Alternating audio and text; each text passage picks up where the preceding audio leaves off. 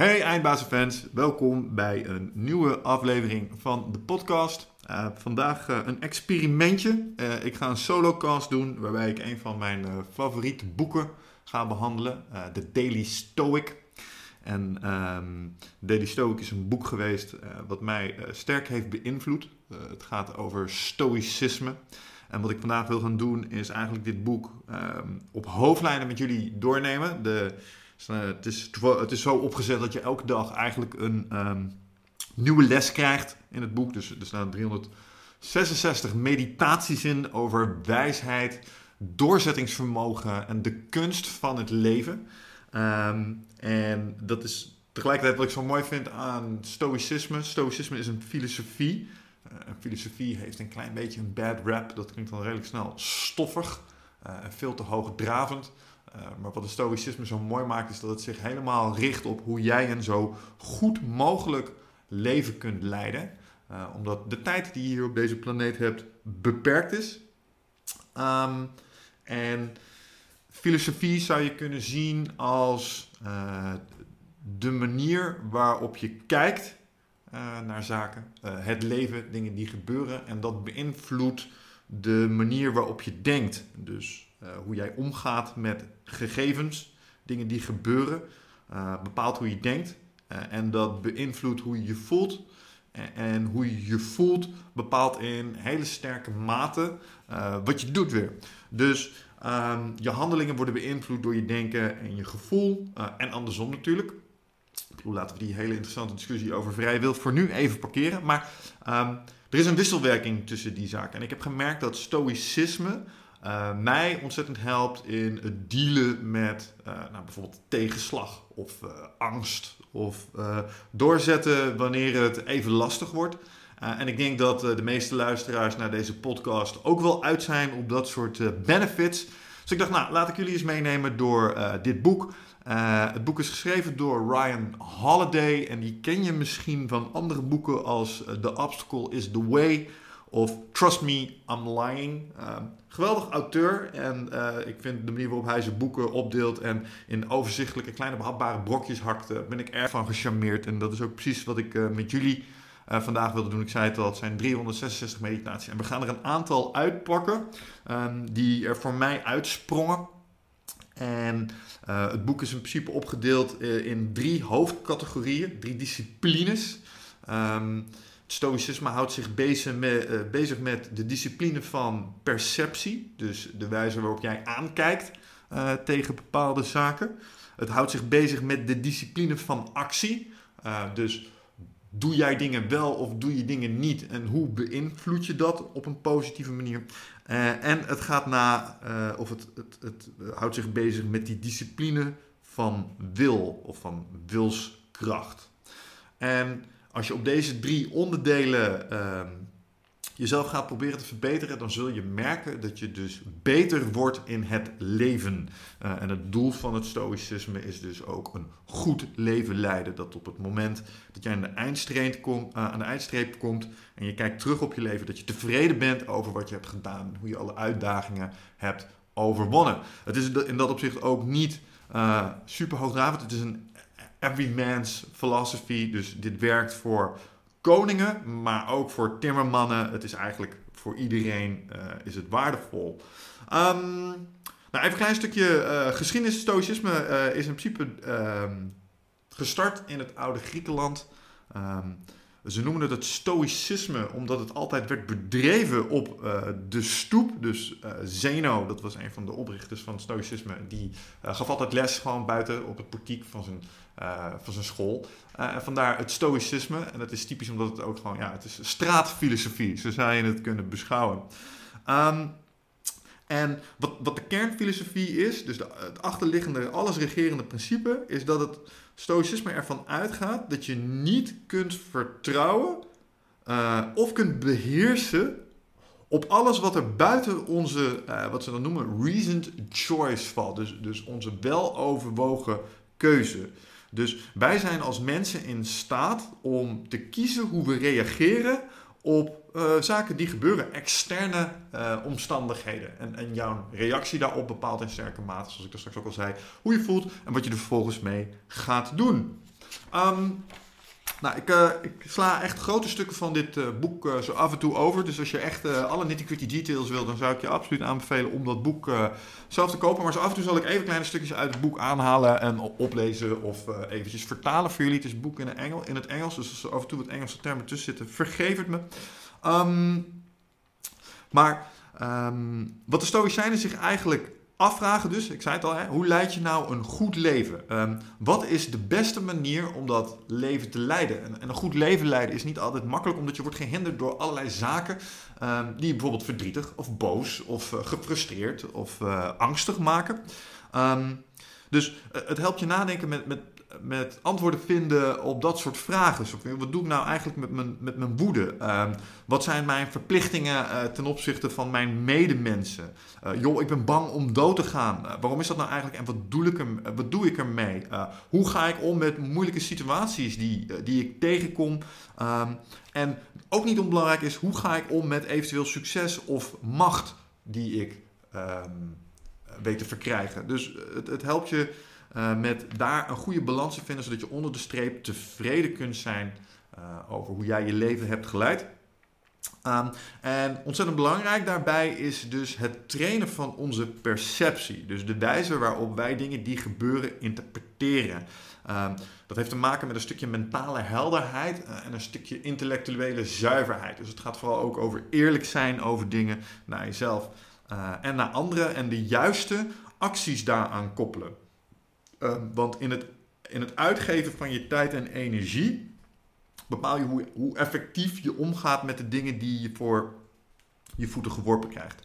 Um, en op het moment dat we uh, onze wilskracht daar volledig achter zetten, um, zul je zien dat je ook een stukje wijsheid en perspectief krijgt.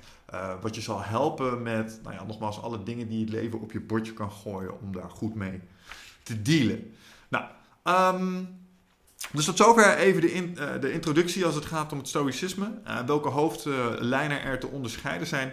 Um, en um, ik wil nu eigenlijk beginnen met de discipline van perceptie, om daar een aantal van de kernlessen uh, uit te halen. En de discipline van perceptie begint met het thema clarity.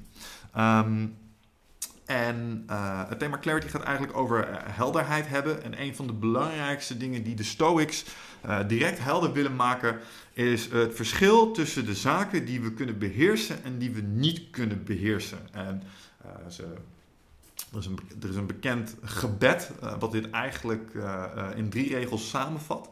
Um, wat eigenlijk neerkomt op, joh, God, um, schenk me de vrede om de dingen te accepteren die ik niet kan veranderen uh, de moed om de dingen te veranderen die ik wel kan veranderen. En de wijsheid om het onderscheid tussen deze twee te kunnen zien. Um, en als je teruggaat naar onze podcast, bijvoorbeeld die met Toon Gerbrands. Um, die haalt dit ook al aan. Die, die heeft eigenlijk, joh, je hebt twee enveloppen, beheersbaar en onbeheersbaar. Uh, en hij had een envelop waar die dingen in stopte uh, die hem stress gaven, die onbeheersbaar waren. En dan kon hij ze loslaten. En dat is eigenlijk wat de Stoics ook zeggen. Uh, ook zeggen, joh, heb nou helder voor jezelf waar je wel en waar je geen invloed op hebt. En richt je eigenlijk alleen op die dingen waar je invloed op hebt, want de rest is een soort ja, futiele uitgifte van energie. Dat is zonde. Um, dus dat is erg belangrijk. De helderheid hebben over die zaken um, die je wel en die je niet kunt beïnvloeden. Nou, dus dat is één aspect van helderheid. Een ander aspect van helderheid, waar Stoics erg uh, aan um, zwaar tillen, is, een, is helderheid hebben over je intenties. Wat, wat Seneca hier bijvoorbeeld over zegt, dat is een van de uh, uh, belangrijkste smaakmakers in, in het stoïcisme geweest. Um, zeg je, joh, laat al jouw efforts, al jouw uitgiftes van tijd en energie gericht zijn op iets. Um, en hou dat einddoel altijd in, in het zicht. En het feit dat je een einddoel voor jezelf formuleert of een duidelijke doelen formuleert, wil geen zin zeggen dat je ze behaalt. Um, want Stoics gaan ervan uit dat er van alles kan gebeuren waar je geen invloed op hebt. Dus um, uh, ja, het zou maar zo kunnen zijn dat je voorgenomen doel niet behaald wordt. Maar geen doel hebben gesteld voor jezelf, dus geen punten op de horizon hebben geplaatst, garandeert zeker weten dat je nergens komen gaat.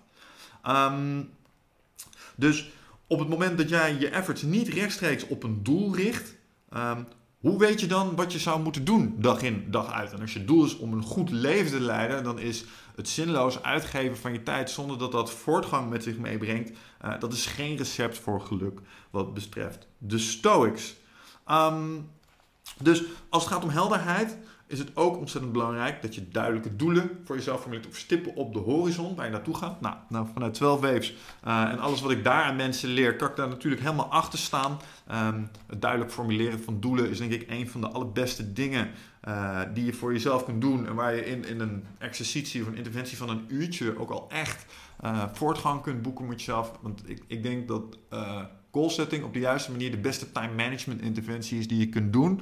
Omdat, eh, volgens mij heb in de podcast herhaaldelijk aangehaald, maar eh, het onderzoek dat ze hebben gedaan op de Erasmus Universiteit met die studenten die ze anderhalf uur lieten schrijven over hun opleiding doorlopen eruit zou zien de komende vier jaar.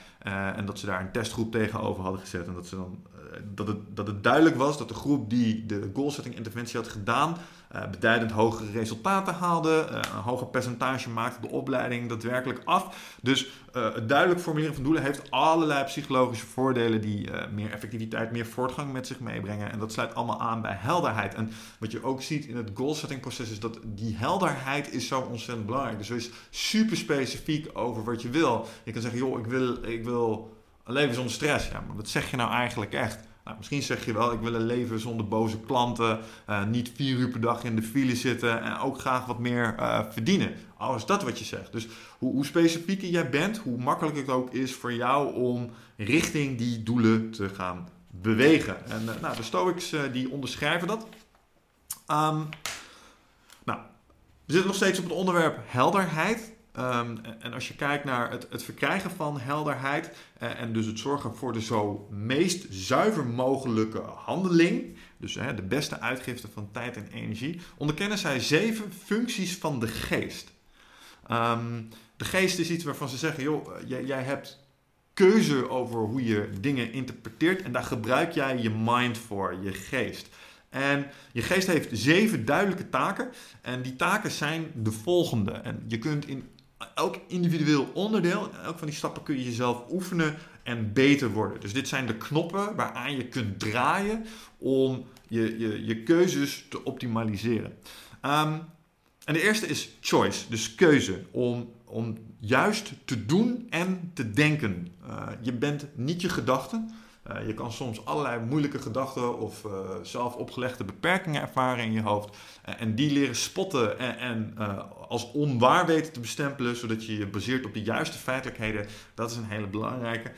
Um, refusal, dat is ook een belangrijk onderdeel van de geest. Met name van verleiding. We gaan het straks nog krijgen over passions. passion is uh, zijn hartstochten, dingen die je wil, dingen die je niet wil, dingen die je eng vindt. Um, en die zijn eigenlijk niet zo relevant wat betreft de Stoics. Het enige wat relevant is, is het werk wat er, wat er ligt. Uh, en, en, of dat nou wel of niet leuk is, dat, dat boeit uh, eigenlijk niet zo. yearning, dat is het, het hoe zeg je dat? Smachten. Smachten naar beter willen zijn. Dus de geest moet jou een behoefte geven om jezelf eigenlijk telkens te willen blijven verbeteren. Jij moet vanuit jezelf zo'n mooi, goed leven willen leiden. En nou ja, dat kan alleen als dat vanuit jezelf intrinsieke motivatie komt. Um, repulsion, dus het afstoten van negativiteit, slechte invloeden of nog, en dat is misschien wel de belangrijkste, dat wat niet waar is. Dus dingen die niet kloppen mag je gewoon niet accepteren, die moet je afstoten en die moet je bevechten. Uh, voorbereiding voor hetgeen wat er voor ons ligt en wat er zou kunnen gebeuren. Dus uh, je geest kan je helpen met het anticiperen op zaken uh, en de negatieve effecten daarvan potentieel nivelleren, mits ze binnen je controle liggen. Purpose is, het zesde, is de zesde functie van de geest als het gaat om onze principes en hoogste prioriteiten bepalen. Iets waar we zo meteen ook nog op terugkomen is het hebben van een goed normen- en waardekader. Wat jou in principe een soort uh, spelregels meegeeft. Uh, wat je met je tijd en energie zou willen doen in dit bestaan. Dus wat is nou eigenlijk je doel en binnen welke spelregels willen we dat doen? Ehm, en dan tot slot ascent, overstijgen, um, om vrij te zijn van deceptions, decepties over wat er binnen en buiten ons bereik van controle ligt. Dus je kan misschien in de baan leven dat je invloed hebt op de economie, maar niets is minder waar. En het kan maar beter zijn dat je dat in de smiezen hebt en dat je dat goed overziet. Um, Dan, als het gaat om clarity, nog een, een laatste over, over pijnzing. En dat gaat over de drie gebieden die je zou moeten ontwikkelen um, als zijnde een, stoic, hè, de, de three areas of training. Um, en ik, ik, ga even een stukje voorlezen dat dit uh, potentieel wat duidelijker maakt. There are three areas in which the person who would be wise and good must be trained. The first has to do with desires and aversion, that a person may never miss the mark in desires nor fall into what repels them. The second has to do with impulses to act and not act, and more broadly with duty, that a person may act deliberately for good reasons and not carelessly. Dus Je moet ervoor zorgen dat je uh, om de juiste redenen dingen wel en niet doet. En het derde heeft te maken met de vrijheid van decepties uh, en composure en the whole area of judgment.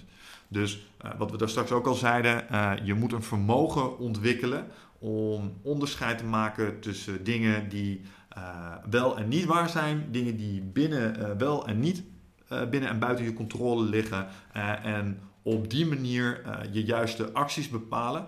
Um, en daarbij ook losstaan van de eventuele dingen die je wil en niet wil. Dus als jij uh, gretig alleen maar welvaart wil en omwille daarvan doe je allerlei gekke dingen op de, ik noem wat, de, de stock markets, misschien niet slim. Of misschien ben je, heb je geen zin in ongemak en doe je daarom niet de juiste dingen op het gebied van vitaliteit. en daar moet je je in ontwikkelen als je zegt, ja maar ik wil wel graag een vol, rijk, gezond leven leiden. Dus dan moet je dat op de juiste manier moet je dat aanpakken.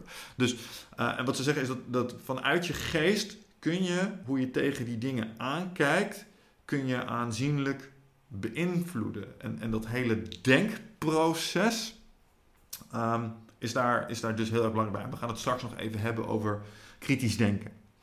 Um, nou, het, heeft al over, hè, een paar keer over gehad. Van je, moet opletten met, met je desires, met je passions, met de dingen die uh, emotioneel iets van je willen.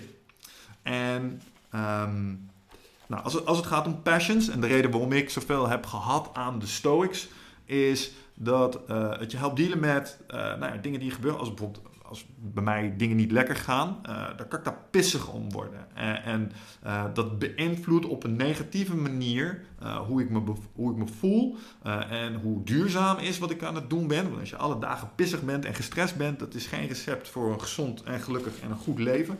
Um, maar het is een feit. En, en een van de redenen waarom ik dit boek heb opgepakt, is omdat ik me stoïcijnser wilde gedragen. Dus uh, me minder uh, uit het veld wilde laten slaan door onvoorziene omstandigheden. Dingen die niet gaan zoals ik wil. en dat uitzicht bij iedereen op andere manieren. Sommige mensen worden er verdrietig van. Anderen die slaan er lam door. En ik, ik word er pissig van. Um, en, en daar heeft het het ook over. En als het gaat om de emotie boos, woede, zegt het de volgende. En dit was voor mij uh, een mooie eye-opener. Um, keep this thought, dus hou deze gedachte paraat wanneer je woede voelt opkomen.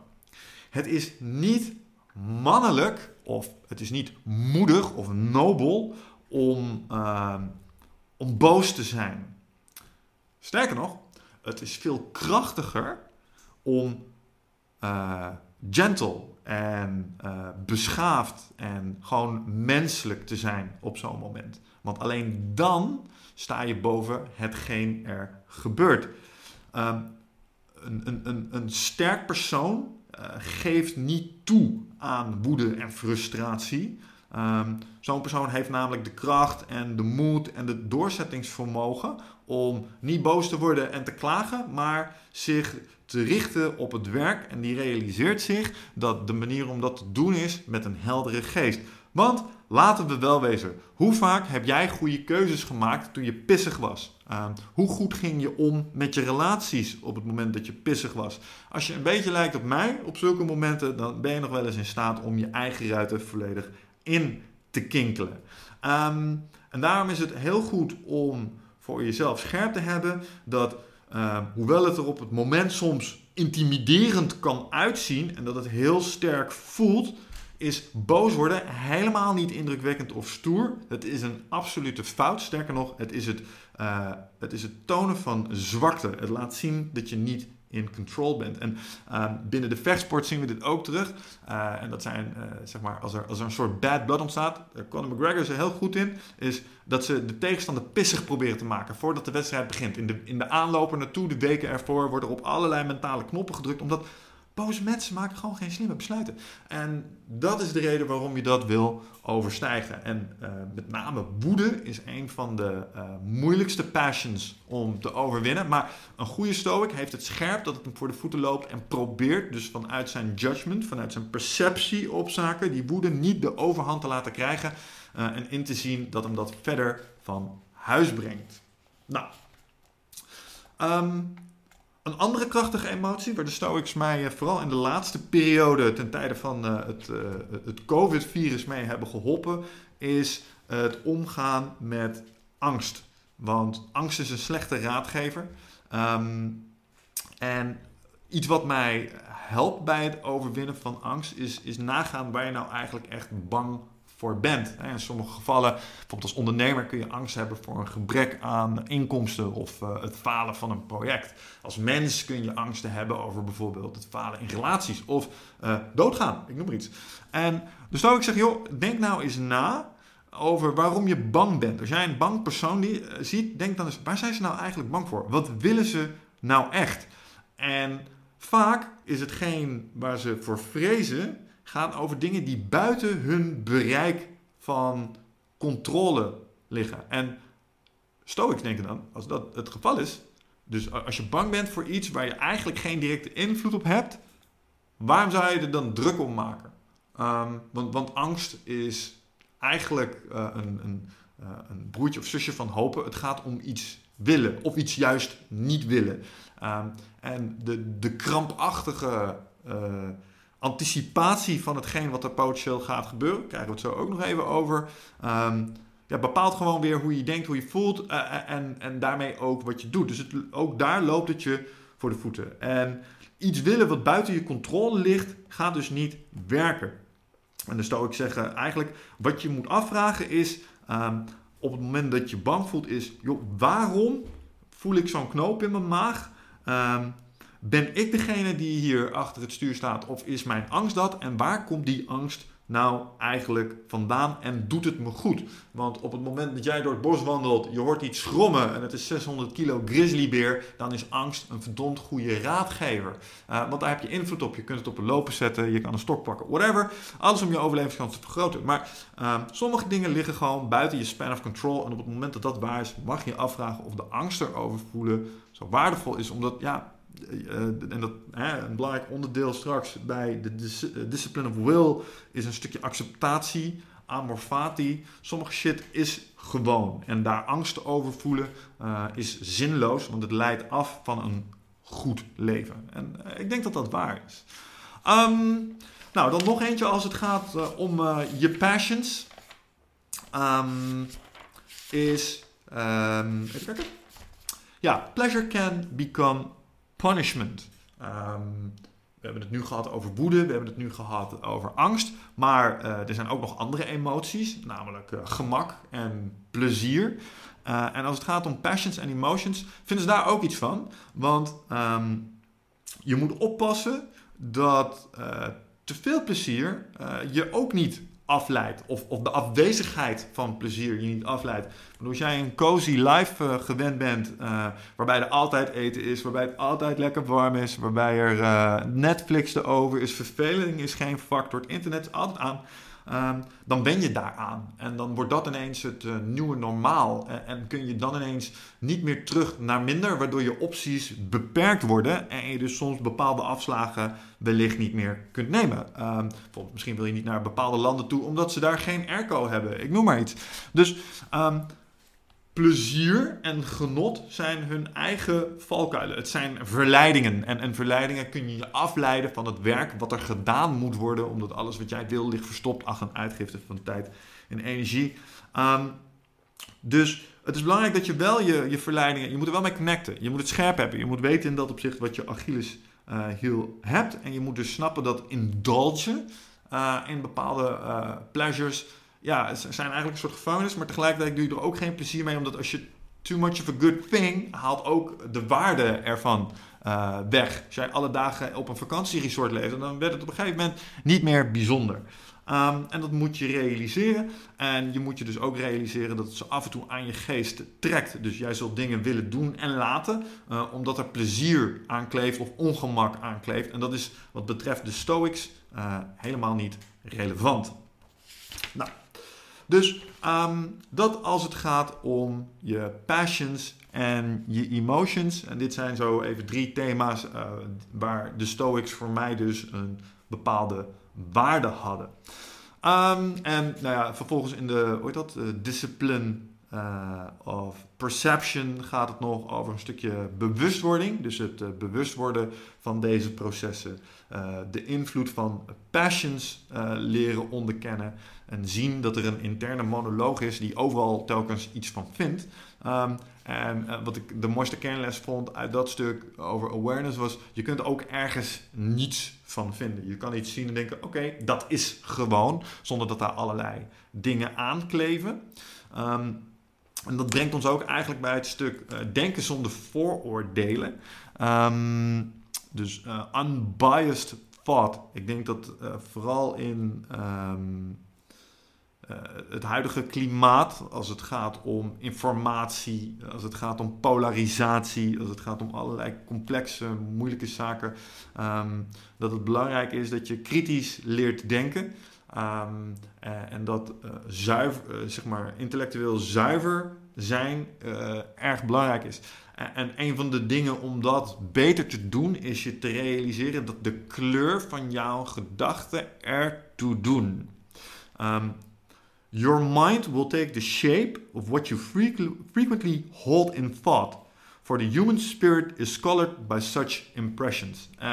Wat ik wel een interessante vergelijking vond, is dat als jij maar lang genoeg te kleine schoenen aantrekt, dan gaat jouw voet vanzelf de vorm aannemen van die te kleine schoen. En dat doet zeer. Dat is niet comfortabel. En zo uh, werkt het ook met negatieve gedachten. Um, je, je kan jezelf mentaal laten vergroeien.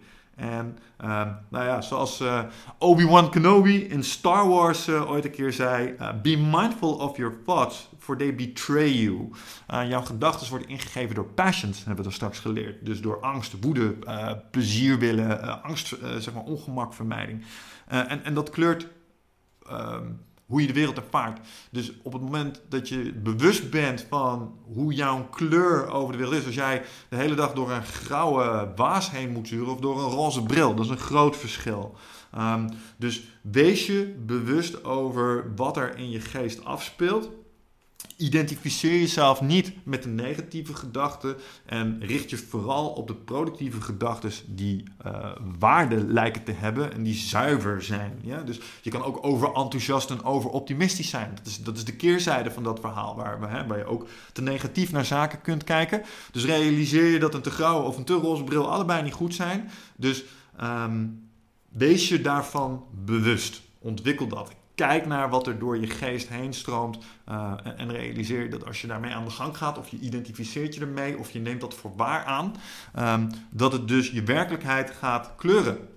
En daarmee ook echt beïnvloeden. Want uh, we zeiden er straks al, of jij dingen wel of niet doet, wordt in sterke mate beïnvloed door de manier waarop je voelt en waarop je denkt. Dus als jij denkt, nou, het kan me toch niet uit, de wereld is alleen maar kommer en kwel, is de kans dat jij daadwerkelijk je hardloopschoenen aantrekt om iets productiefs te gaan doen, is kleiner. Uh, en daarom moet je daar dus heel bewust van zijn. Nou, um, Hetzelfde geldt over, uh, uh, we zeiden het net al, over, over dingen wel of niet waar laten zijn. Uh, je kunt in dat opzicht, um, uh, je mag,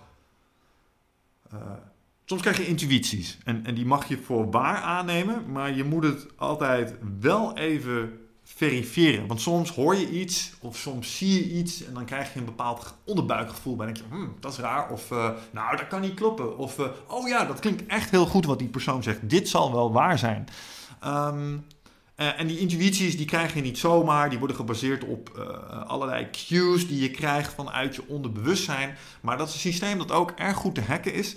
Um, en dus niet noodzakelijk altijd naar de waarheid leidt. We hebben meerdere voor, voorbeelden in de politiek kunnen zien waarbij als bepaalde mensen, maar op een bepaalde toon, dingen zeggen met zelfverzekerdheid en een geruststellende toon in, dan nemen een heleboel mensen dingen aan als zoete broodjes. Terwijl wat er eigenlijk waar is, heel anders is. Maar de verpakking die eromheen wordt gedaan, die, die laat je andere dingen vermoeden. Dus je mag zeker uh, je baseren op dergelijke intuïties. Want ze zijn er niet zomaar. Ze hebben ook vanuit een evolutionair perspectief altijd uh, een doel gediend. Maar je moet wel verifiëren. Dus als je op een gegeven moment denkt van ja, sounds good to be true. Of klopt het wel wat er hier gezegd wordt? Of hey, uh, een hele goede die dat is follow the money. Kijken, waar, wie wordt nou eigenlijk beter financieel van wat er hier gezegd wordt?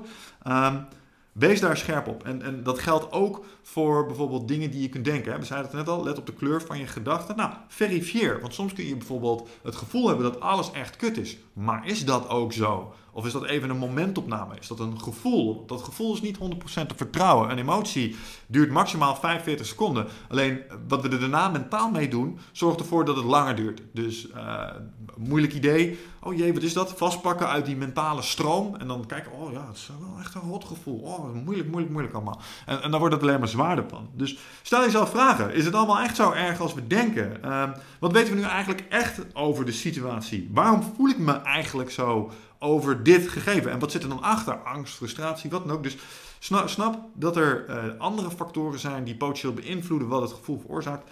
Um, en, en, stel je dus de vraag: heb ik er invloed op of niet?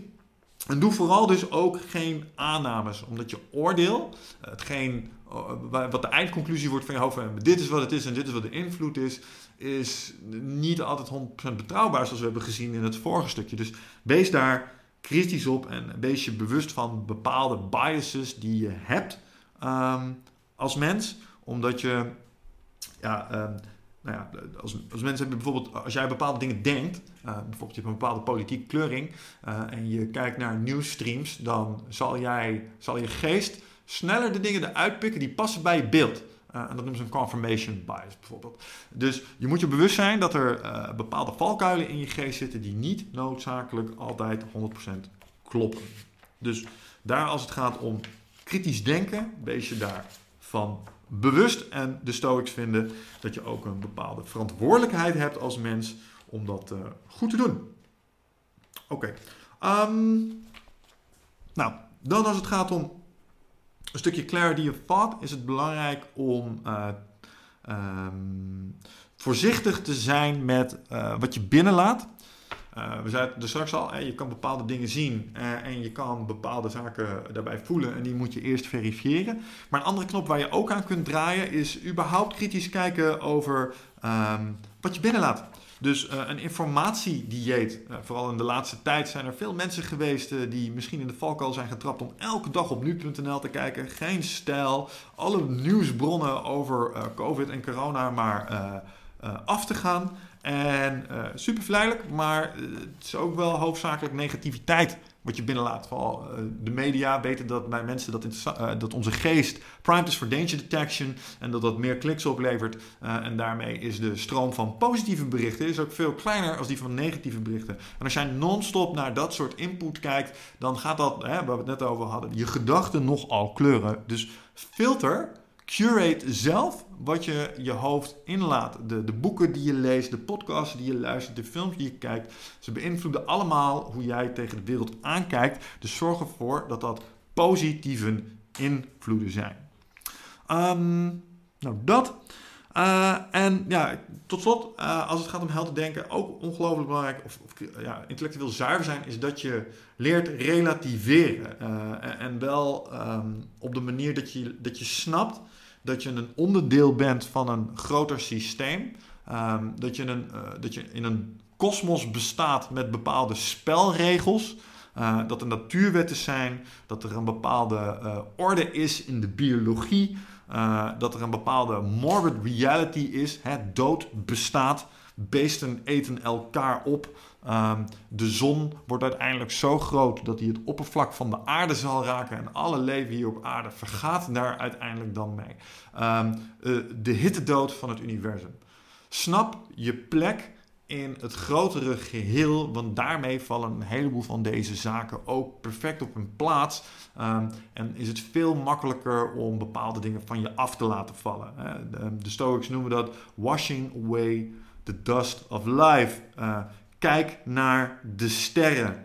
Um, want je realiseert je op het moment dat je naar de sterren kijkt dat al die aardse beslommeringen van jou um, eigenlijk maar uh, ja, ze doen er niet zoveel toe op een kosmische schaal. En in jouw persoonlijke ervaring natuurlijk wel. Maar zo af en toe even uitzoomen en dat perspectief kunnen pakken. Uh, zorgt ervoor dat er ook alweer een heleboel dingen duidelijk in de categorieën beheersbaar en onbeheersbaar vallen. En dat, dat stroomlijnt uh, jouw manier van denken en dus de manier van dingen doen. Zodat je aan het eind van de streep, hè, waar we het al over hadden, als je tijd hier dan op is, dat je er uh, iets moois van gemaakt hebt. Nou, en als we dan kijken naar het stukje uh, de discipline of, of perception, komen, komen we daar nu een klein beetje aan, aan, het einde. En kunnen we nu gaan kijken naar de discipline of action. Omdat de Stoics ook geloven dat eh, voortgang woont op actieniveau. Uh, het gaat allemaal om je uitgifte van tijd en energie. Uh, en als het dan gaat om de juiste dingen doen, want dat is wat dat is. Hè. Je, ze vinden dat je een verplichting hebt om een nobel, goed leven te leiden. Kan je maar beter doen door de persoon te zijn die je wil zijn. En daarmee zeggen ze eigenlijk, joh, zeg jezelf eerst wat voor persoon je zou willen zijn. En doe dan de dingen die je moet doen om die persoon te kunnen zijn. Dus um, one must act. En act right. Dus we weten intuïtief allemaal prima wat, wat nobel gedrag is. Hè? Uh, het klassieke helderverhaal uh, waarderen we allemaal, omdat de held typisch dingen doen waarvan we als mensen zeggen, ah, dat is nobel gedrag. En dat geldt eigenlijk ook voor jou. Um, jij moet voor jezelf bepalen wat je belangrijk vindt in dit leven. Hoe je denkt dat een goed persoon zich gedraagt. Um, dat voor jezelf scherp stellen. En dan vervolgens is wat je moet doen, is je zo gedragen. Dus als jij voor jezelf zegt, ik ben gedisciplineerd, want ik vind discipline belangrijk. Doe dan gedisciplineerde dingen. Uh, het, het, het, het daadwerkelijk invullen van, van dromen, doelen, ambities komt onder de streep neer op dingen doen die horen bij je doelen en ambities. Dus als jij graag fit en vitaal wil zijn en je wil gezond zijn, ga dan trainen. Uh, wil jij graag uh, meer energie? Eet dan gezonder. Slaap meer. Um, doe aan mindfulness zorg dat je die dingen scherp hebt die je moet doen om de persoon te zijn die je zou willen zijn. En dat begint dus met voor jezelf een soort eindstation formuleren. Ik zei het er straks ook al over goal setting.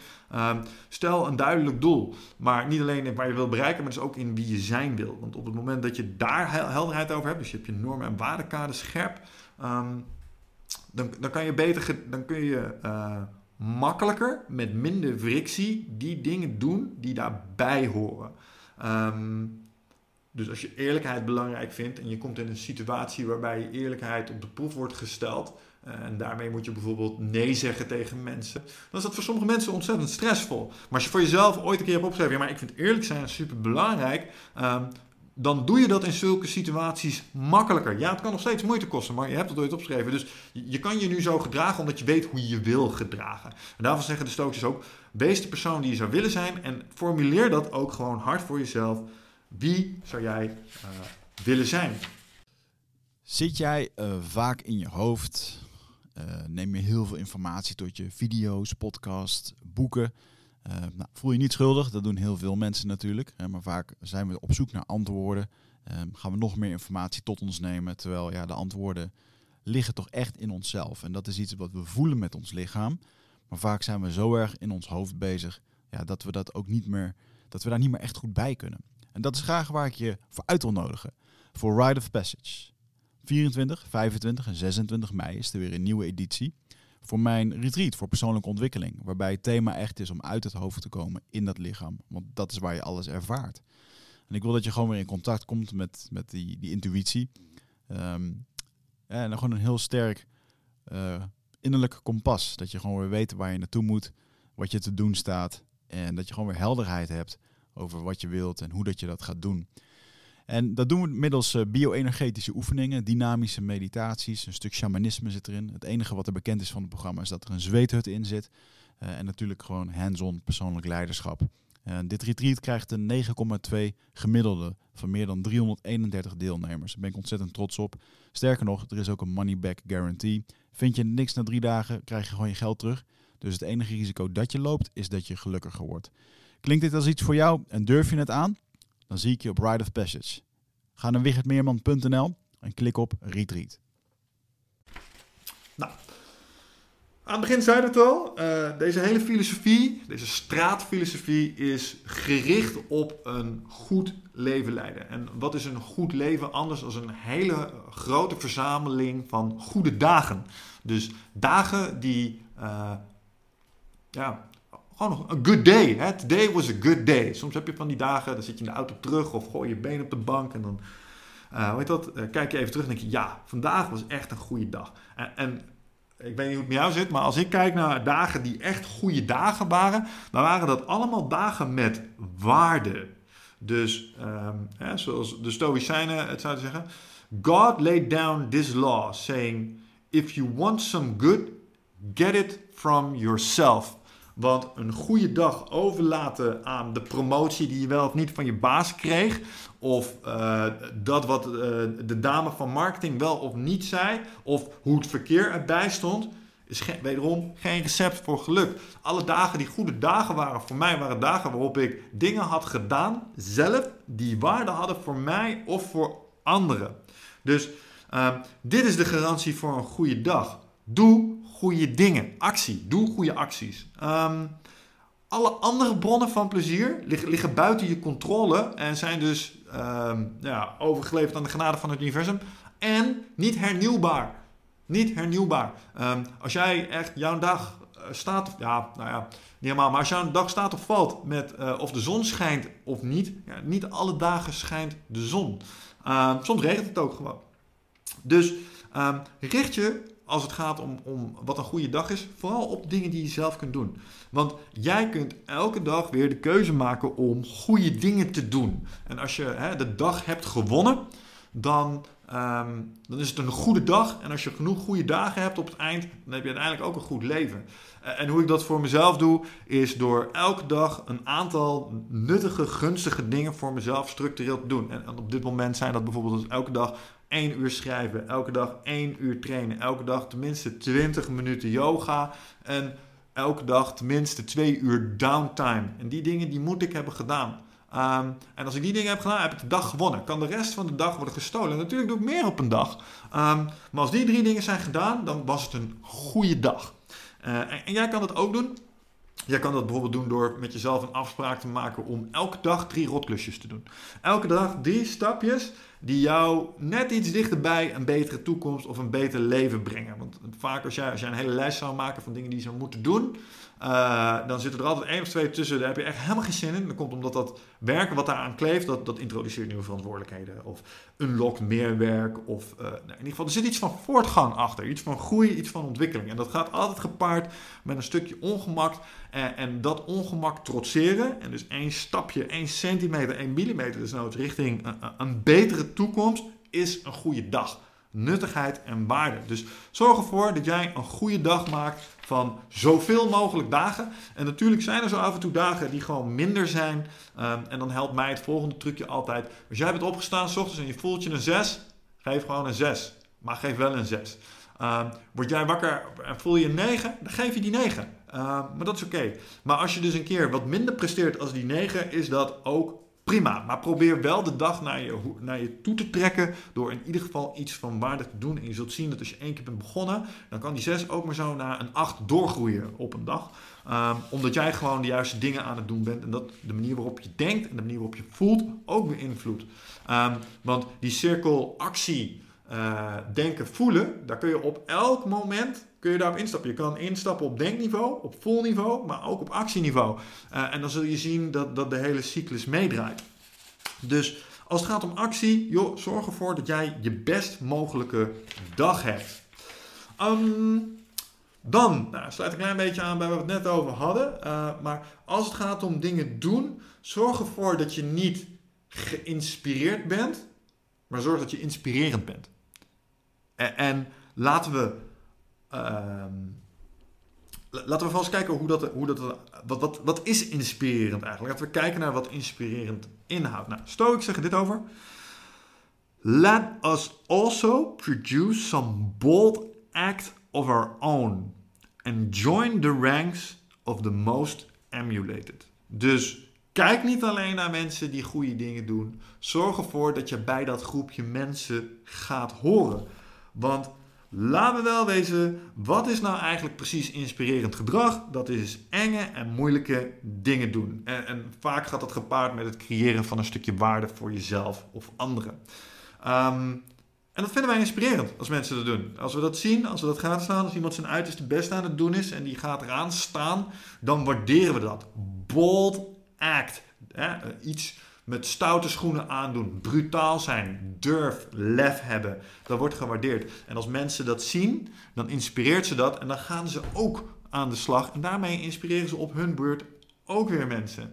Uh, en dat is een, een, een positieve uh, loop waar je op die manier in terechtkomt. Dus als het gaat om dingen, dingen doen, hè, laat je niet inspireren, wees inspirerend. En ik denk dat dat een hele goede guideline is om te kijken uh, naar of, of je een goede dag hebt gehad. Als iemand jou had geslaan, zou die dan geïnspireerd zijn geweest door wat je deed. Dus als jij iets heel zwaars en iets heel moeilijks hebt gedaan, wat voor jou echt awesome was, Maakt niet uit wie het is. Die ziet dat en denkt dat is inspirerend.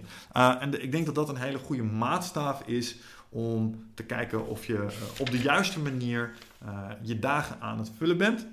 Nou, acties um, of een actie is als het gaat om de discipline of action niet voldoende. Dus Rome werd niet in één dag gebouwd. Was ook niet maar één steen, waren een heleboel. en wat je moet doen om consistent de juiste dingen te blijven doen, is gewoonten creëren. Um, fueling the habit bonfire, zeggen ze in de Daily Stoic. En um, je moet je voorstellen dat elke, elke gewoonte die je bouwt, of, of elke vaardigheid die je opbouwt, eh, is, uh, is ontstaan door iets herhaaldelijk doen. Dus door uh, achter elkaar geschakelde acties. Denk aan lopen, denk aan hardlopen, denk aan moeilijke dingen voor elkaar krijgen. Als je ergens extreem goed in wil doen, moet je iets herhalen. Uh, moet je iets op gewoonte zien te krijgen. Uh, en uh, hier is neurologisch onderzoek naar gedaan. Um, om een nieuwe gewoonte aan of af te leren, heb je iets van 66 dagen nodig. Dus als jij, ik noem maar iets, niet meer op je hersenen wil vertrouwen en alles wat er in je geest uh, opkomt, ergens in een systeempje wil droppen, uh, nou, dan kost het ongeveer 66 dagen om dat onder de knie te krijgen. Uh, wil je graag een andere relatie met je telefoon opbouwen en dat ding niet meer minder dan een uur screentime hebben, ik noem maar iets, nou, dan heb je ongeveer 66 dagen nodig om zo'n gewoonte af te leren. En, en je daar bewust van zijn is ontzettend belangrijk, want op, ten eerste eh, weet je dat uh, instant gratification hier niet gaat werken. Je hebt er gewoon 66 dagen van nodig. Dat betekent dus dat je 66 dagen de tijd hebt om iets onder de knie te krijgen. Dus dat betekent dat je consistent iets moet doen, maar dat het ook eens mis mag gaan en dat je er even over mag doen. En dat het niet binnen twee dagen gefixt hoeft te zijn, zoals de meeste mensen denken. Um, en dat als je het over de loop der tijd blijft doen, wordt het dus ook steeds makkelijker. Um, de, de, eerste 66 dagen zijn, uh, of nou ja, het gaat vaak als volgt, die 66 dagen. De eerste 21 dagen zijn leuk, want je gaat iets nieuws doen en je bent beter, jezelf beter aan het maken en dat motiveert ontzettend. Maar motivatie is echt gruwelijk slecht om dingen af te krijgen. Daar heb je iets anders voor nodig. Dat is discipline, want eh, van dag 21 tot dag 42 dan uh, komt de twijfel, dan komt de weerstand. Dan ga je jezelf dingen afvragen, waarom doe ik dit nou eigenlijk? En uh, what's the use? En uh, dat soort zaken. dat is het moment waarop je weer echt even naar binnen moet kijken van, ja, maar dit is mijn doel. Ik probeer een goed leven te leiden. Ik wil graag dit, ik wil dit niet. en daarom doe ik bepaalde dingen wel of niet. en dan na dag 42, dan, wordt het een, dan, dan begint het dus een gewoonte te worden. En krijg je momentum. En dat is het moment waarop, daar waar het in de eerste 21 dagen gewoon echt lastig was om jezelf überhaupt maar één keer van de bank af te trekken richting de sportschool. Je na dag 42 je schuldig voelt als je de derde training van de week niet weet te vinken. Um, simpelweg omdat er een gewoonte is gecreëerd. En je bent dus niet in één keer excellent. Daar heb je tijd voor nodig. Dat, kost tijd. En gun jezelf die tijd. Het is elke dag de juiste dingen doen. Elke dag op de juiste manier eten, trainen, werken, slapen. Zodat je een set aan gezonde gewoonte creëert die momentum genereren voor jou. En uh, hier komt het, uh, de mantra van Jocko om de hoek uh, zeilen. Discipline equals freedom. Om alle dingen te krijgen die je zou willen hebben, moet je dus lastige dingen doen die gepaard gaan met een stukje ongemak over het overwinnen van angst. Um, maar op het moment dat je er een gewoonte van maakt, worden die dingen dus steeds. Nou, die dingen worden niet makkelijker. Jij wordt gewoon beter. kijk, 200 kilo deadliften, 200 kilo blijft 200 kilo. Jij bent sterker geworden. Dat is basically wat het is. En dat geldt ook voor gedisciplineerd werken, eh, voor doelen stellen, voor een goed mens willen zijn. Maakt allemaal niet zoveel uit. Die 200 kilo blijft 200 kilo. Alleen jouw draagkracht, jouw veerbaarheid, jouw doorzettingsvermogen, jouw zuivere denken ehm, is verbeterd. En daardoor ervaar je het als makkelijker. Maar in principe ben jij sterker geworden. En dat is goed om je te realiseren. Um, even kijken. Uh, nou, dan komen we volgens mij bij de laatste van uh, de discipline of action die ik met jullie wil uh, doornemen, omdat die voor mij ook weer specifieke waarde had. en dat was: wees niet miserabel vooraf. je hebt een, een hele mooie machine in je hoofd zitten, je hersenen. en, en een van de onderdelen van die machine is je limbische brein. Dat is een prachtig ding. Uh, maar wat het vooral heel goed kan, is anticiperen op uh, risico's. Maar ook toekomstige risico's. Dus het, het kan uh, anticiperen dat als ik heel hard tegen de muur aan schop, dat dat zeer doet. Maar het kan zich ook al druk maken over het tandartsbezoek over vijf weken. Um, en dat is niet altijd super productief, dat laatste. Stoics zeggen daarover: It's ruinous for the soul to be anxious about the future and the miserable in advance of misery, engulfed by anxiety, that the things it desires might remain its own until the very end. Dus wat ze eigenlijk zeggen is: het is niet goed voor je ziel om je druk te maken om dingen die nog niet zijn gebeurd of mogelijk niet eens gebeuren, maar waar je potentieel op anticipeert. De pragmatist, dus de persoon van actie, is uh, te druk om hier tijd aan te verspillen, omdat ze het uh, weten te waarderen als de onzin die het is. Je hebt er geen invloed over, dat is één. Uh, het is nog niet eens zover, dus het is niet gezegd dat het allemaal op deze manier gaat plaatsvinden. en misschien valt het allemaal ook nog wel mee, want ja, de angst voor angst is misschien nog wel het aller, allergrootste. Um, dus pragmatisten die maken zich niet druk om alle mogelijke uitkomsten. Die gaan er gewoon vanuit dat ze dealen met hetgene wat er voor hun voeten landt op het moment dat het zover is. Um, want in, uh, denk erover na, in het beste geval is hetgeen waar je je bang voor maakt, gaat helemaal niet gebeuren en heb je dus uh, een boel tijd verspild. Maar in het slechtste geval gebeurt het wel. Maar wat je in dat geval dus hebt gedaan, is je lijden verdubbeld. Dus in de anticipatie er naartoe en op het moment zelf. Dus het prijskaartje is dubbel zo hoog. Um, en dat is denk ik ook een goede realisatie. En de, de one-liner die het voor mij fixte, waarbij ik dacht, ja man, dit is het gewoon. Be too busy to care. Dus zorg ervoor dat je met je missie bezig bent. Zorg ervoor dat je met je werk bezig bent. Zorg ervoor dat je bezig bent met het leiden van een goed leven. En dat je tijd en energie daarin gaat zitten. En dat je dat, die andere dingen waar je potentieel nu nog druk om zou kan maken. Dat je ziet, denkt, ja, het zal wel. Ik ben er gewoon druk voor. Aan de keertje, jongens. Um, en dat sluit ook aan bij voorzichtig met wat je binnenlaat. Dus dat als het gaat over de discipline of action. En, en eh, nogmaals, voortgang woont op actieniveau. Dus alles wat jij voor elkaar probeert te krijgen voor jezelf, ligt verborgen achter die uitgifte van tijd en energie. En op deze manier daartegen aankijken helpt mij ontzettend met op de juiste momenten de juiste dingen doen. Alright, gaan we door naar de discipline of will. En uh, de discipline of will valt uiteen in vier onderdelen: uh, standvastigheid en veerkracht, deugd en goedheid, amor fati, berusting en acceptatie van de dood. En uh, we beginnen, wat mij betreft, even bij twee kernlessen die betrekking hebben op standvastigheid en veerkracht. Um, en de, de eerste die, die me heel erg aansprak was: um, zorg ervoor dat je jezelf test. Um, en zorg ervoor dat je blij bent met ellende die je hebt ervaren. Omdat uh, de moeilijkste dingen die je hebt meegemaakt in je leven, hebben je het tegelijkertijd het meest gegeven. Uh, ik heb een aantal podcasts opgenomen, waaronder uh, met Joop Kasteel. Um, maar eigenlijk met mensen die moeilijke dingen hebben meegemaakt in hun leven. Dus echt trauma, lastige jeugd. Um, ik zelf heb een alcoholistische moeder gehad.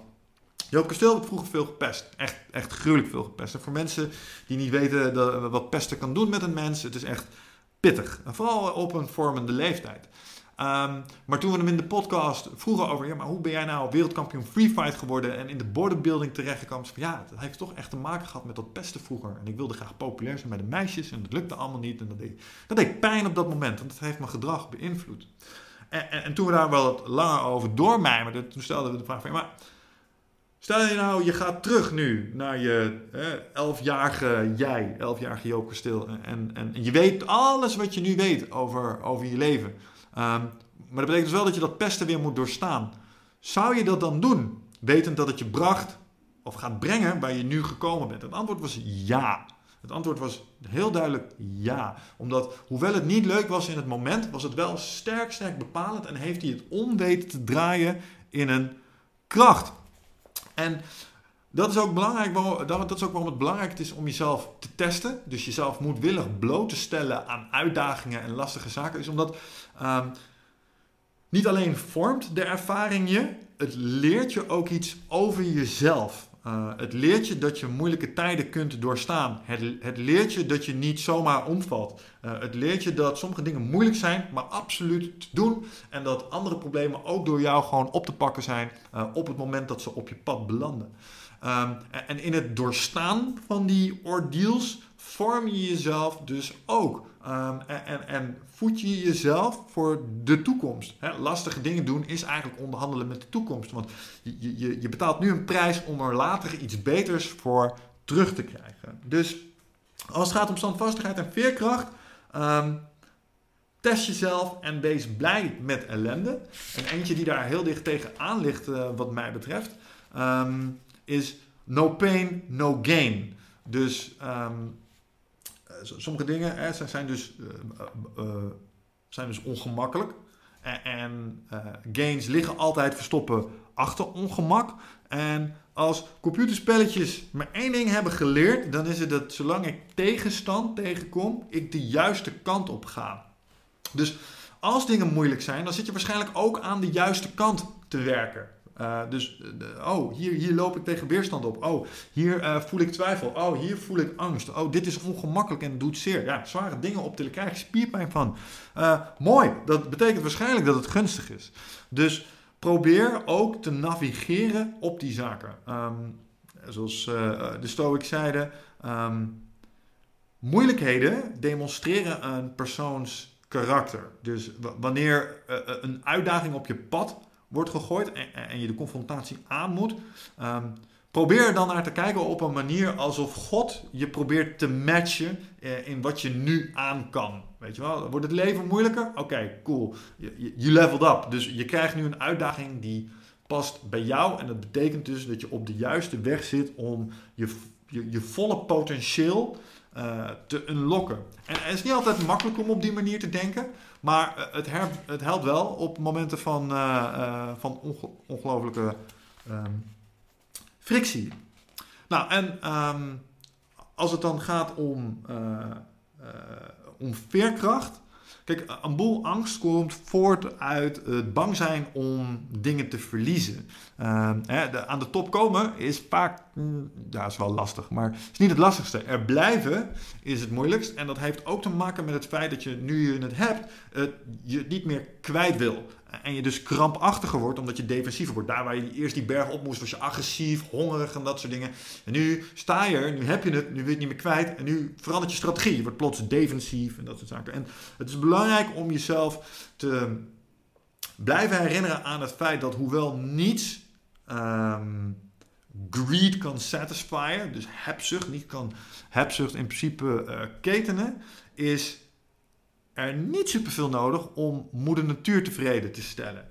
Dus jij hebt niet superveel nodig om echt te overleden. Je, je hebt jezelf allemaal uh, dingen verworven. En, en, inmiddels is dat een beetje de norm geworden. Dus warm water, een bed, een dak boven je hoofd, eten in de koelkast, altijd internet. Een aantal van die dingen zijn super primair. Maar een aantal van die dingen is helemaal niet erg als het wegvalt. Hoewel, je zou er nu niet aan moeten denken. Um, en hou jezelf scherp op het feit dat je veel minder nodig hebt als dat je denkt dat je nodig hebt. Vooral als daar angst voor je weg, uh, wegkomt. En onthoud dat alle lijden komt voort uit verlangen. Dus um, wat ik altijd super interessant vind, is het fenomeen dat als, als mensen een bepaalde hoeveelheid van geld verdienen, dan worden ze even iets gelukkiger. Maar als het een bepaalde uh, uh, hele grote hoeveelheid geld meer is, dan worden ze ongelukkiger. En, en dat komt door vergelijkingsstress. Omdat je op een gegeven moment. Nou, als jij je eerste privéjet hebt, dan kom je plots in aanraking met mensen die uh, vijf privéjets hebben. En, nu ben jij uh, de, uh, de sloeber met maar één privéjet. Och, wat een loser ben je dan. Ehm, snap je? Dus nu is ineens vijf privéjets hebben is nodig. Want ja, anders stel je niet mee of zo. Terwijl als, als je terug gaat naar, naar het echelon waar je vandaan kwam, was een privéjet hebben, was het, was het summum. Um, en, en, heb je een privéjet echt nodig? Nee. Heb je vijf privéjets nodig? Nee. Uh, wat heb je wel nodig? Zuurstof, eten en een dak boven je hoofd. En, en, mensen die van je houden. Dat is, een, dat is een basis. En als je daaraan voldoet, nou, te gek. Um, en al die andere dingen zijn er een klein beetje bij verzonnen. Dus als ze je worden afgenomen, treur er dan niet om. En wees uh, zelfverzekerd in het feit uh, dat je het met minder gewoon ook prima kunt doen. Nou... We gaan verder uh, binnen de Discipline of Will met het stukje uh, virtue, virtue and kindness. En dat is eigenlijk uh, ja, deugd en goedheid. Um, en wat ze hier eigenlijk zeggen is, joh, noblesse oblige. je bent als mens ben je uitgerust met een aantal hele mooie sociale instrumenten en systemen. Um, uh, je kan denken op een bepaalde manier die uh, ego-overstijgend is. Je kunt kijken naar de mensheid als een collectief en je kan inschatten dat, dat jij waarde en invloed hebt op het leven van anderen en dat daar verantwoordelijkheid uit voortkomt. Want je kan het zien en je, je kan onderschatten of uh, je kan inschatten wat de invloed daarvan is. Dus je bent het verplicht om je daar zo goed mogelijk in te manifesteren. En wat ze eigenlijk zeggen is all for one, one for all. dat wat niet goed is voor voor de bijenkorf is ook niet goed voor de bij, is wat ze eigenlijk zeggen. Dus, dus snap dat uh, als jij uh, als individu heel erg vervuilend bent, grote CO2-footprint of wat dan ook nalaat, is niet goed voor het collectief. En daarmee ook weer niet goed voor jou. En je kan denken, ja, wat maakt het nou uit dat ik hier dit vuilnis sta te storten ergens in, in de berm? Nou ja, op dit ene moment niet, maar op de langere termijn wel. Want het heeft allemaal invloed op, me, op elkaar. En um, de Stoics hebben daar een concept voor dat heet sympathia.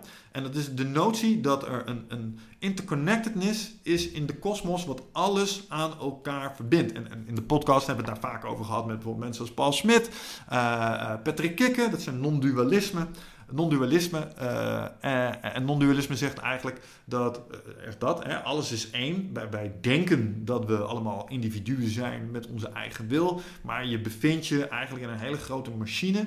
Uh, die op allerlei manieren, complexe manieren in elkaar ingrijpt. En die hebben allemaal invloed op elkaar. En dat is ook zo hè, op een heel klein niveau. Als jij zagrijnig terugkomt van het werk dan heeft dat invloed op je partner. En, en, eh, die partner gaat daarna naar ik weet de sportschool en die doet ook weer op een bepaalde manier tegen een persoon. En die persoon die neemt dat ook weer mee naar huis. Dus het grijpt allemaal op bepaalde manieren in elkaar.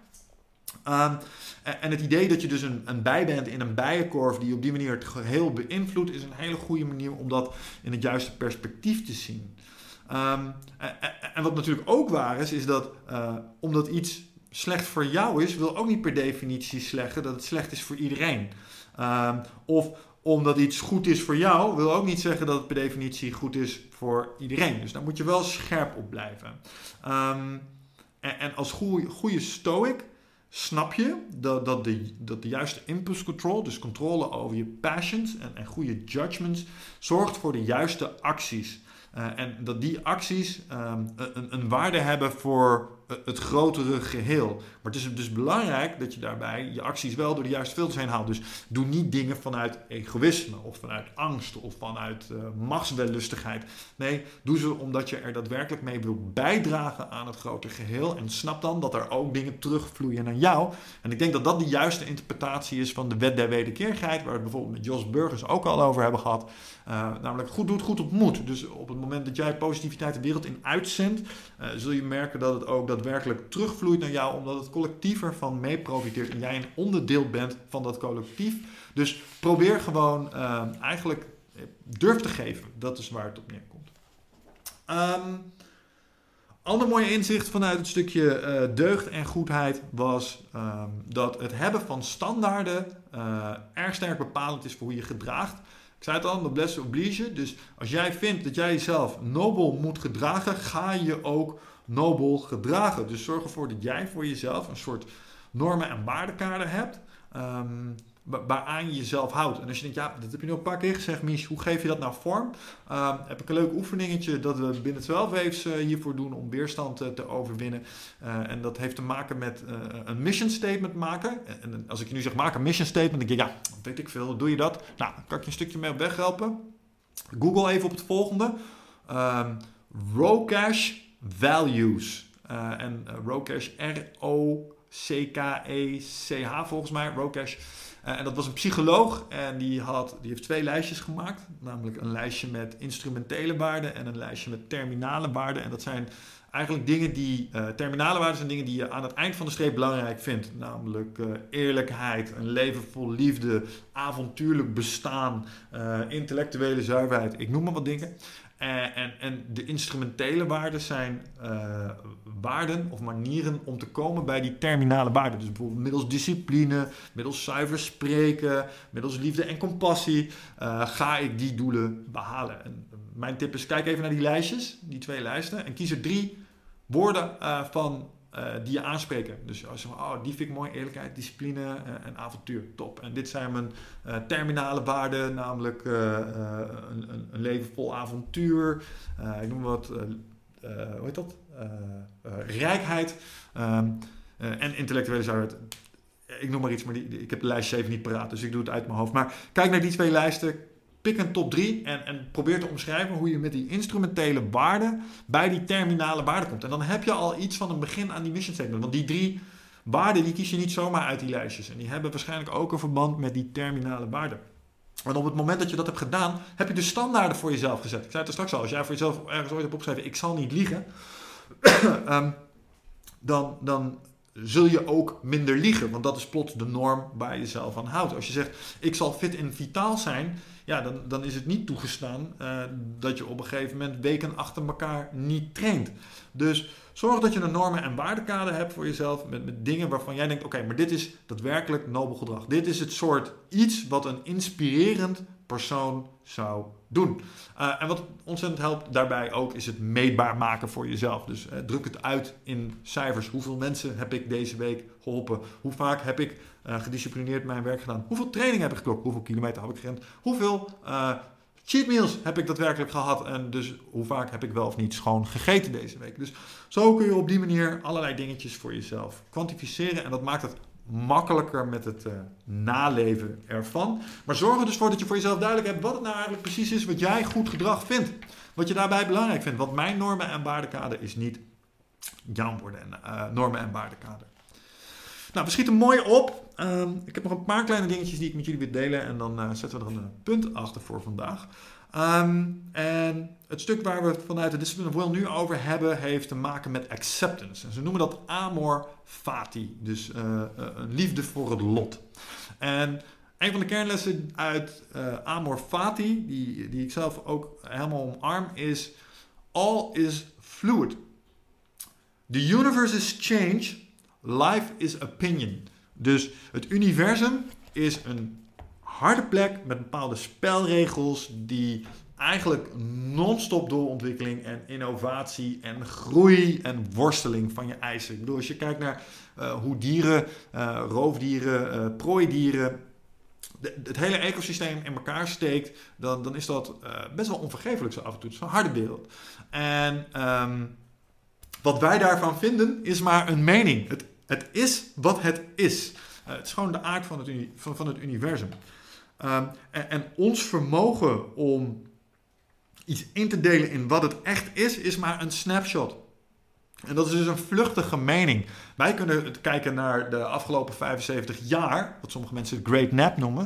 Um, en denken, ja, dit is hoe de wereld hoort te zijn. Hè? Vrede, groei, opbouw, al die dingen. Na de Tweede Wereldoorlog zijn er in dat opzicht, uh, ten opzichte van de periode daarvoor, bijzonder weinig uh, echt grote dingen gebeurd.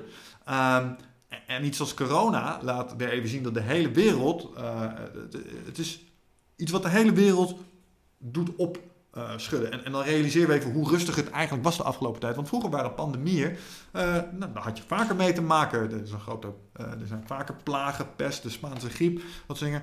Het hoort er een klein beetje bij. alleen omdat we het 75 jaar relatief rustig hebben gehad, vergeten we dat. Um, en, en, omdat de mensen die de Tweede Wereldoorlog nog daadwerkelijk levend hebben meegemaakt, langzaam maar zeker allemaal aan het doodgaan zijn, vindt die kennisoverdracht ook niet meer van één op één plaats. En dat is toch echt minder krachtig. Um, het feit dat ik nog met mijn grootouders heb kunnen spreken over de Duitse bezetting of het leven in de Japanse kampen op Indonesië. Um, heeft mij wel meegegeven, oh wauw, het, het, is niet altijd geweest zoals het nu was. Lekker rustig. Weet je, het leven kan zo ineens een andere wending nemen. En dan uh, zit je in een oorlog. En dat was vroeger de norm. En nu dus niet meer. Maar alles is dus vloeibaar. En het feit dat het nu even iets rustiger was en dat dat prettig is, is niet meer als een mening, want er gaat, het gaat toch nog veranderen. Uh, de, de toekomst is in dat opzicht altijd onzeker. En nou ja, daar kan je maar beter jezelf bij neerleggen. Want um, je kan, wat betreft Stoics, eigenlijk niet meer als de logos volgen. En dat is het laatste stukje als het gaat om acceptance. Daar zeggen ze eigenlijk: follow the logos. The person who follows reason in all things will have both leisure and a readiness to act. They are uh, at once both cheerful and self-composed. En wat, wat ze eigenlijk, uh, wat de Stoics zeggen, is dat er is een kracht in het universum. En zij noemen dat de logos. Um, en die zet alles in werking. En, en, ik noem dat de deterministische aard van het universum. Uh, er is cause en effect. Er gebeurt iets en dat heeft een effect op iets anders. We gooien iets omhoog, het komt naar beneden. Um, en zo grijpt alles op elkaar in. Uh, en, en, dat zorgt voor een beweging een bepaalde kant uit. En jij zit vast aan die beweging. Jij, jij, jij zit in een golf waar je gewoon op mee wordt gevoerd. En daar kan je niks aan doen. Dat is gewoon hoe het werkt. En, en daar kan je je bij neerleggen. Uh, en als je er op de juiste manier naar kijkt, uh, heb je uh, weliswaar niet de vrijheid om compleet van die golf af te stappen. Maar je kan binnen een bepaalde bandbreedte kun je wel een klein beetje die kant op peddelen, een klein beetje die kant op peddelen, iets naar voren, iets naar achter, iets hard de golf af, weet ik veel. Um, of je kan in complete paniek op je surfboard zitten en denken: shit, shit, shit, ik wilde af. Dit is niet wat ik voor ogen had. En hier komt het weer op het stukje judgment. Welk van de twee perspectieven kies je? Want perspectief A zorgt ervoor dat je, ja, eh, het is een raar leven. We zitten in een bepaalde situatie. We zweven op een of andere aardkloot door de ruimte en we gaan allemaal dood en we weten niet wat er daarna gebeurt. En eh, we hebben iets als de economie en mensen om ons heen. En jeetje, wat, wat is dit allemaal? Um, ja, het is wat het is. Um, en daar kan je dan van denken kloten en nihilistisch worden. Of je kan denken, oké, okay, uh, maar binnen de bandbreedte die ik heb, ga ik voor het optimale. En dat is eigenlijk het belangrijkste wat je kan doen uh, als je zeg maar acceptance, als je amor fati hebt bereikt. Van ja, het is een gek ritje, um, dat zal ook niet veranderen, maar ik probeer er het allerbeste van te maken. Dus dat over amor fati. En dan komen we, uh, wat nu betreft, uh, komen we aan bij het laatste stukje van de discipline of will.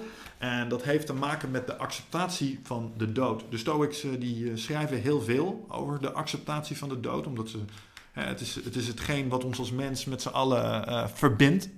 Um, we zijn met z'n allen streepjes licht tussen twee duisternissen. Dus we, gaan, we zijn de hele tijd uit. Dan komen we even online en dan gaan we daarna weer voor een langere tijd offline.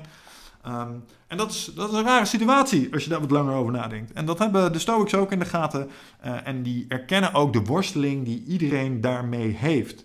Uh, het, is, het is niet makkelijk om te weten dat je, uh, dat je eindig bent. vooral niet als je een bewustzijn hebt. En dat opzicht benijd ik mijn katten nog wel eens, die zich zo af en toe helemaal niet druk lijken te maken om het feit dat we doodgaan. Ehm, dat, dat, ze zijn niet intelligent genoeg om dat te snappen. Maar wij als mensen, wij kunnen dat zien. Wij beseffen ons dat we sterfelijk zijn. En dat is lastig. Um, en ik vind het onderwerp dood vind ik ook moeilijk. Als je naar de podcast luistert, daar hebben we het vaak genoeg over gehad. Uh, dood zijn lijkt me niet zo heel spannend, maar doodgaan, weten dat je de heuvel overgaat, dat, hè, dat laatste tikje voordat je de achtbaan afgaat, dat lijkt me echt super, super eng. Um, en, en daarom ook deze stap uit de Stoics daarover. En dat gaat eigenlijk over dignity and bravery. Dus als je dan voor de laatste stap staat, denk dan aan gladiatoren. Um, want Gladiatoren vinden we helemaal niets als ze uh, hun leven kosten wat kost proberen te redden, zelfs als ze daarvoor laf gedrag moeten vertonen. Nee, de gladiatoren die worden bewonderd zijn de gladiatoren die contempt hebben, dus minachting voor het leven. Dus die alles op alles durven zetten en gewoon niet bang lijken te zijn voor de dood. Dat, dat bewonderen wij, dat gedrag. Um, dus wat, we belangrijk, wat, hè, wat de Stoics zeggen is dat, dat het ja, het is bang, uh, of het is, het is angstig en je mag er bang voor zijn, maar het gaat erom hoe je je in die angst gedraagt. Hè? Wees niet iemand die op het laatst kicking en screaming smeekt voor meer tijd, maar wees als een held die, uh, die terug naar huis komt. Uh, en, uh, weet dat je dapper bent geweest. En, en, dat je voorouderen je met open armen zullen ontvangen. Omdat je mooie dingen hebt gedaan in het leven. En dat is, dat is de manier om het te doen. Um, en Marcus Aurelius zei daar ooit over: joh, de dood grijnst naar ons allemaal. Het enige wat een mens kan doen is teruggrijnzen. En ik denk dat dat de juiste houding is om uh, te hebben op het moment dat je er oog in oog mee staat. Het lijkt me alleen wel heel erg moeilijk.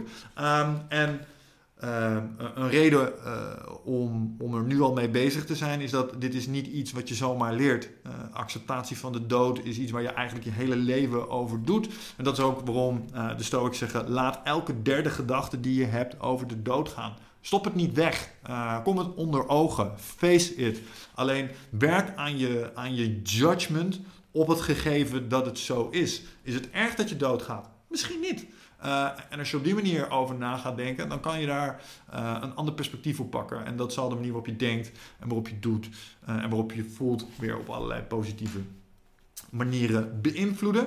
Um, maar ik vind dat elk mens er op zijn minste over na moet hebben gedacht, omdat voor mij uit het, het feit dat ik weet dat ik doodga ook een gevoel van urgentie komt. Ik denk dat je, tijd is het enige wat je niet kunt terugkopen. Dus zorg ervoor dat je het slim, goed en mooi uitgeeft, zodat jij onder de streep in staan bent om dat mooie, dat goede leven, waar die Stoics het over hadden, um, te kunnen leven.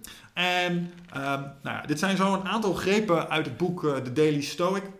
En stoïcisme is een, uh, is een mooie filosofie, maar je merkt ook dat het gaat wel over alles. En, ik weet dat mensen erg uh, gek zijn op, op kortere lijstjes. Want als je dit allemaal in één keer moet implementeren, denk je, ja, hoe dan? Is misschien wat veel.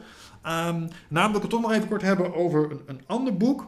Uh, dat op aansluit, echt heel kort. Uh, en dat zijn de vier overeenkomsten van Don Miguel Ruiz. En ik weet dat ik het hier ook vaker over heb gehad in de podcast. Maar toen ik uh, die tegenkwam en ik las daarna de Daily Stoic um, en How to Think Like a Roman Emperor.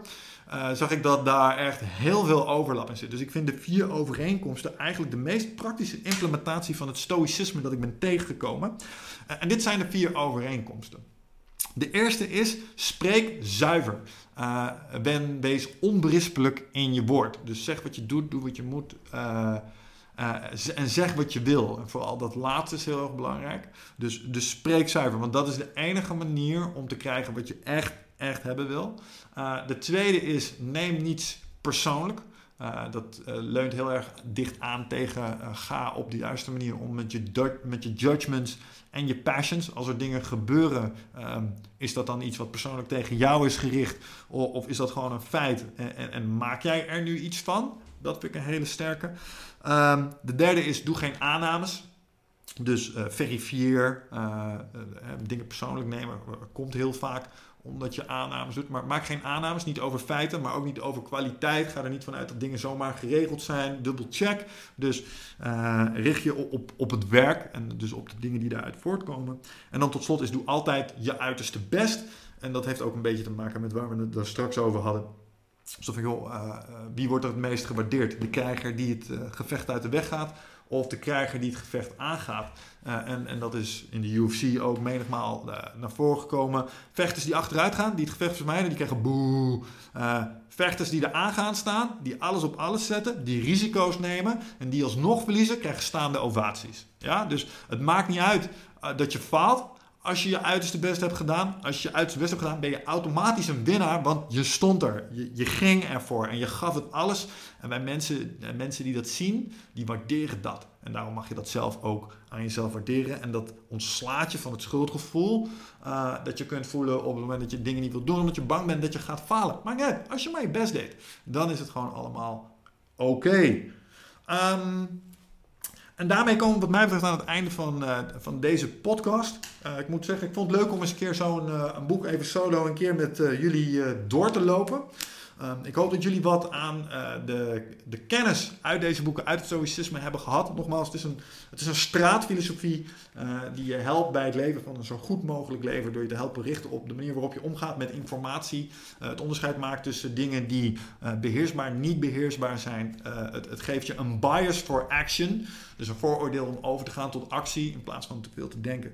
Um, en het gaat ook in op belangrijke zaken zoals discipline of will, hoe je standvastig en veerkrachtig kunt zijn. Want het zal zo af en toe lastig zijn. En ik denk dat uh, filosofie uh, op deze manier, heel praktisch, een soort software update is van je denken.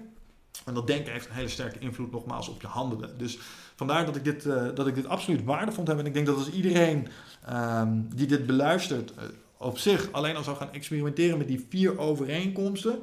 Dus spreek zuiver, wees op je woord, neem niks persoonlijk, doe geen aannames en doe altijd je uiterste best. Dat, dat, dat er collectief uh, al een klein stapje de juiste kant op uh, wordt genomen. Dus uh, nou, dat wou ik jullie graag meegeven. Ik hoop dat jullie er wat aan gehad hebben. als er reacties zijn, drop ze vooral in de comment sectie of stuur me gewoon een mailtje. No problem, vind ik altijd leuk. En dan wil ik jullie bij deze bedanken voor de tijd en de aandacht. Class dismissed. Tchau!